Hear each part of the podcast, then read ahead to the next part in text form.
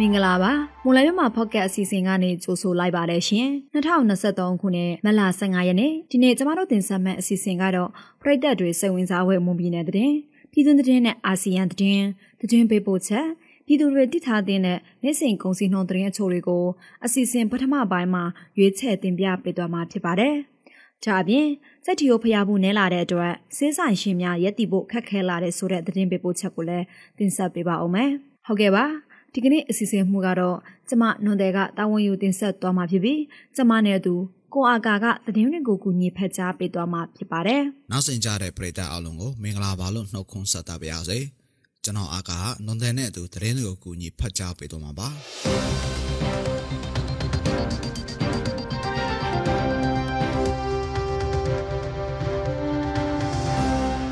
ပထမဦးဆုံးသတင်းတပုတ်အနေနဲ့မွန်ပြည်နယ်ပေါင်မြို့နယ် စင်ဆိုင်မြို့ဖလက်ကြီးရွာဝတ်ကြီးအပိုင်းရင်ကုန်မော်လမြိုင်ကားလမ်းမှာ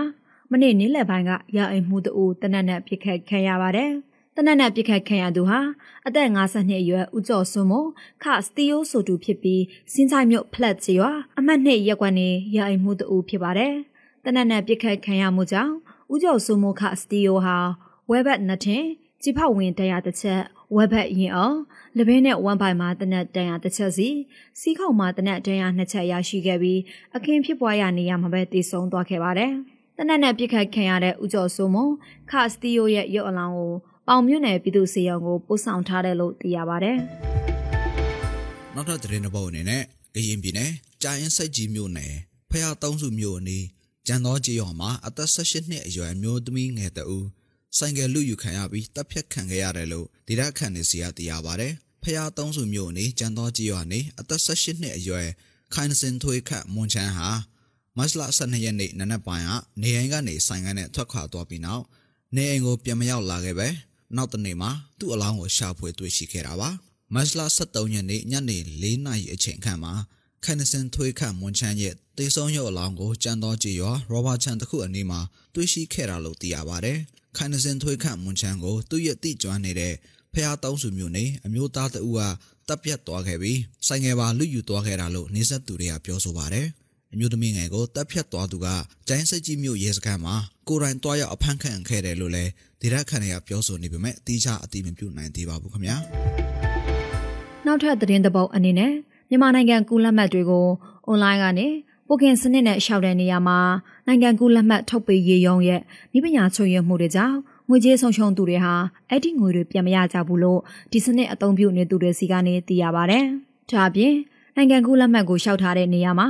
အိမ်အောင်စုစီရင်မှားသွင်းတာတချို့ကိုရေးအချက်လက်မှားယွင်းဖြစ်သွင်းမိသူတွေဟာလည်းဗန်သွင်းငွေတွေဆုံးရှုံးနေကြရပြီးပြန်မရဘူးလို့ပြောကြပါတယ်။အဲ့ဒီလိုနီးပညာပိုင်းဆိုင်ရာချုပ်ရမှုနဲ့ ကိုယ်တိုင်အချက်လက်မှားဖြစ်မိလို့ဗန်တွင်းငွေဆုံးရှုံးတော်သူတွေဟာနောက်တစ်ချိန်အွန်လိုင်းရဲ့ချင်းယူဖို့စူးစမ်းချိန်မှာစတဲ့ငွေကိုလည်းနောက်တစ်ခါထပ်မံဖြစ်သွင်းနေကြရတာပါဒီလိုဖြစ်စဉ်တွေနဲ့ပတ်သက်တဲ့စစ်ကောင်စီနိုင်ငံကူလက်မှတ်ထုတ်ပေးရေးရုံရဲ့တမတ်ပန်စီရင်တဲ့ရောက်သွားတဲ့ငွေကြေးတွေကိုဘယ်လိုလုပ်ပေးမယ်ဆိုတာနိုင်ငံကူလက်မှတ်ထုတ်ပေးရေးရုံဘက်ကထုတ်ပြန်ရှင်းလင်းတာမျိုးမရှိသေးပါဘူးရှင်နောက်ထပ်သတင်းတစ်ပုဒ်အနေနဲ့တနင်္လာရီတိုင်းဒေသကြီးထဲမှာစစ်အုပ်ချုပ်ရေးကြီးညာပြီးတဲ့နောက် နှစ်ဖက်တိုက်ပွဲတွေပုံမပြင်းထန်လာတာကြောင့်စစ်ပေးဆောင်ပြည်သူ3000ကျော်အထိမြင့်တက်လာတယ်လို့သိရပါတယ်။လွန်ခဲ့တဲ့ဖေဖော်ဝါရီလထဲမှာပလော်မြို့နယ်နဲ့တနင်္လာရီမြို့နယ်တို့ကိုစစ်ကောင်စီကစစ်အုပ်ချုပ်ရေးကြီးညာပြီးတဲ့နောက်တနင်္လာရီတိုင်းဒေသကြီးတစ်ခုလုံးမှာတိုက်ပွဲတွေပြင်းထန်လာခဲ့ပြီးနှစ်ဖက်တိုက်ပွဲအကြိမ်30ထက်မနည်းဖြစ်ပွားခဲ့တာလို့သူတေသနအဖွဲ့တစ်ခုဖြစ်တဲ့ FE5 တနင်္လာရီကထုတ်ပြန်ထားပါတယ်။နှစ်ဖက်တိုက်ပွဲတွေကြောင့်စစ်ဆောင်ပြည်သူ3000ကျော်အထိမြင့်တက်လာခဲ့ပြီး အဲ့ဒီတဲ့ကစစ်ဆောင်ပြည်သူ2800ကျော်ဟာနေရမပြန်နိုင်သေးဘူးလို့သိရပါတယ်။စစ်ဆောင်ပြည်သူတွေဟာစစ်ဘေးရှောင်စခန်းတွေနဲ့နှိစက်ရာတော်တောင်ဥယျာဉ်ချမ်းတဲ့ဖုန်ကြီးကျောင်းတွေမှာနေထိုင်ကြရပြီးလူကြီးများလာလို့အစားအသောက်နဲ့ဆေးဝါးမလုံလောက်တာတွေအပြင်တကူရသက်ရှင်ရေးအတွက်ပါအခက်အခဲတွေဖြစ်နေတယ်လို့သိရပါတယ်။တိုက်ပွဲတွေကြောင့်ပလောမြို့နယ်ထဲမှာစစ်ဆောင်ပြည်သူ2900ကျော်နဲ့အများဆုံးရှိနေပြီးတနင်္လာရီမြို့နယ်မှာ3000ကျော်၊ဒဝယ်မြို့နယ်မှာ200ကျော်၊လောင်းလုံးမှာ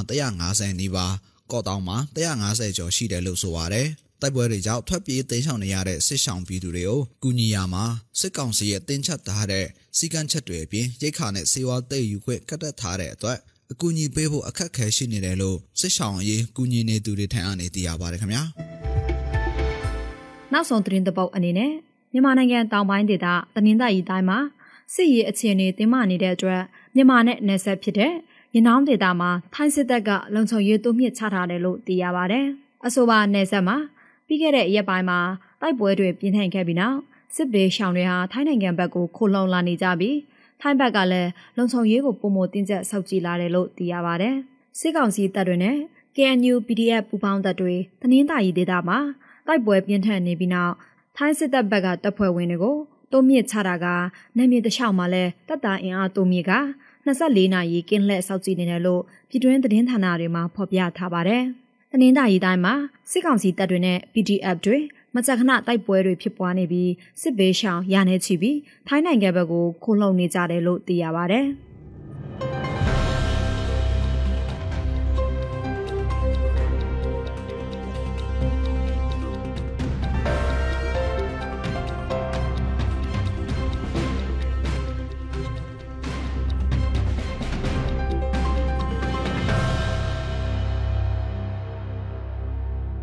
ဆက်လက်ပြီးပြည်သူတွေသိထားတဲ့နေ့စဉ်ကုန်စည်နှုန်းတဲ့အချို့တွေကိုမော်လမြိုင်ကုန်စည်တိုင်းကအချက်အလက်တွေကိုအခြေခံပြီးကျမနွန်တယ်ကတင်ဆက်ပေးပါဦးမယ်။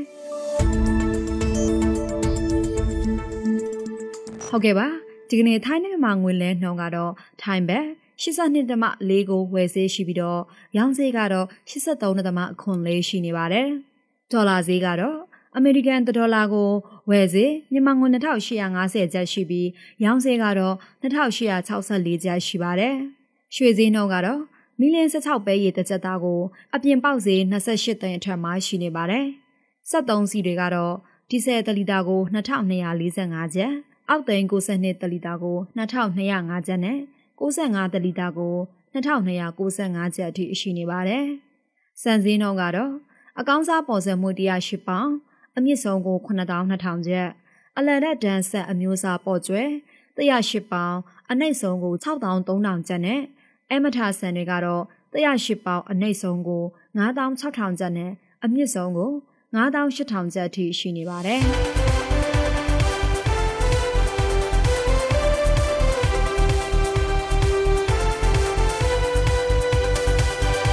အခုတင်ဆက်ပေးသွားခဲ့တာကမလ15ရက်နေ့မှာဖြစ်ပျက်ခဲ့တဲ့မွန်ပြည်နယ်သတင်းပြည်တွင်းသတင်းနဲ့အာဆီယံသတင်းတွေအပြင်တနစ်တာစီစဉ်ငွေစင်းနဲ့ကုန်စည်နှုန်းတွေကိုတင်ဆက်ပေးသွားတာဖြစ်ပါတယ်။ဆက်လက်ပြီးတော့စက်တီယိုဖျားဘူးနဲလာတဲ့အတွက်ဈေးဆိုင်ရှင်များရက်တီဖို့ခက်ခဲလာတဲ့ဆိုတဲ့သတင်းပေးပို့ချက်ကိုတော်တာကတင်ဆက်ပေးပါအောင်မယ်။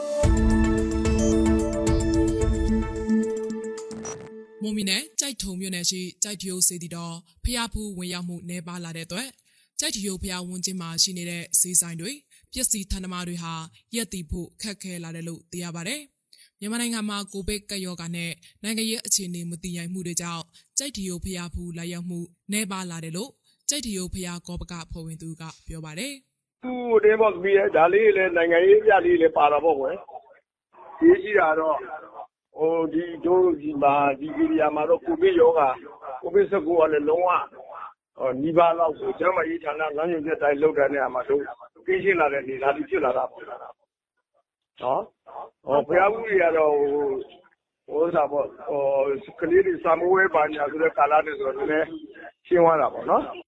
ပြီးခဲ့တဲ့2022ခုနှစ်အော်တိုဘာလ12ရက်နေ့ကကမွန်စခန်းတောင်တက်မော်တော်ယာဉ်ဂိတ်အနီးမှာပြစ်ခတ်မှုဖြစ်ပွားခဲ့ပြီးဖျားဖူးအမျိုးသမီး3ဦးသေဆုံးပြီးဖျားဖူး10ဦးထပ်မံထိခိုက်ဒဏ်ရာရရှိခဲ့တဲ့ဖြစ်စဉ်ဖြစ်ပွားခဲ့ပြီးနောက် ကြိုက်တီယိုဖျားဖူးမရှိသလောက်နေပါတော့တယ်လို့ဒေတာခန်တွေကပြောပြလာပါတယ်။ဖျားဖူးအများဆုံးလာရောက်လေရှိတဲ့ဒီဇင်ဘာလမှာတော့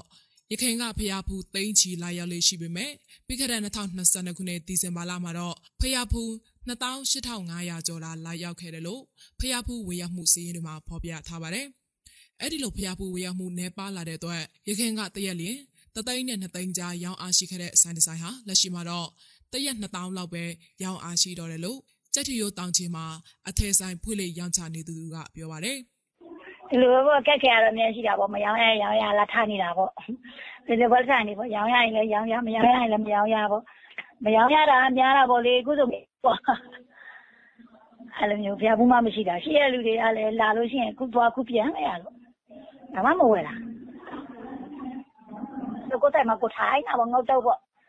လာရင်တော့လည်းရောင်းတာပေါ့ဝယ်ရင်တော့လည်းရောင်းတာပေါ့မဝယ်တာတော့များတာပေါ့ဘယ်သူမှမကြည့်နဲ့လေကိုကိုကိုပဲကိုပြန်ကြည့်ကိုတော်မှပဲသုံးနေနိုင်သုံးမှမသုံးနိုင်တဲ့ဟာယူဘယ်မှလည်းမသွားနိုင်တဲ့ဟာ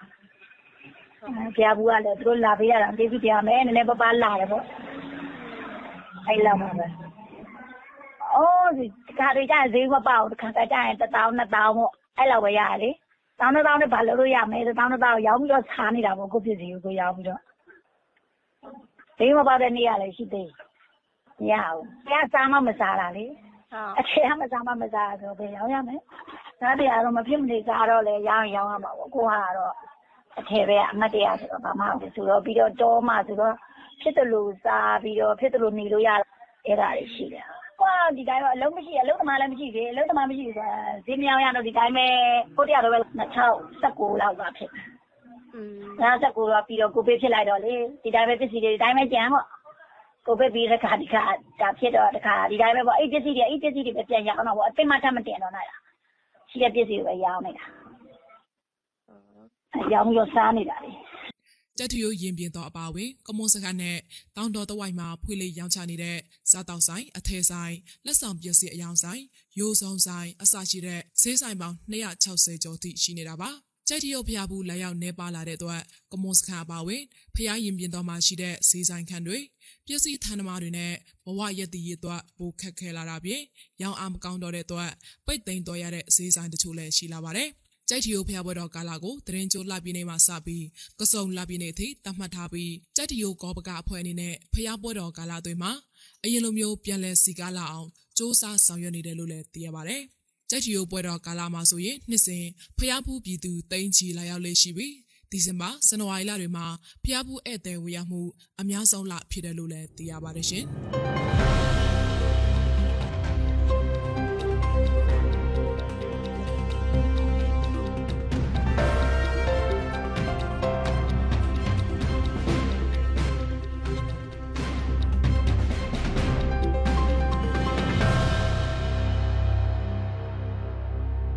ရဲ့မွန်လန်းမြန်မာပေါ့ကတ်အစီအစဉ်ဒီမှာတင်ပြီးဆုံးပါပြီ။နောက်ဆင်ကြတဲ့ပရိသတ်အားလုံးကိုနောက်နေ့အစီအစဉ်တွေမှာဆက်လက်အားပေးကြပါအောင်လို့ဖိတ်ခေါ်ရင်အစီအစဉ်ကိုဒီမှာတင်ဆုံးသက်ပါရစေ။အားလုံးကိုကျေးဇူးတင်ပါတယ်ခင်ဗျာ။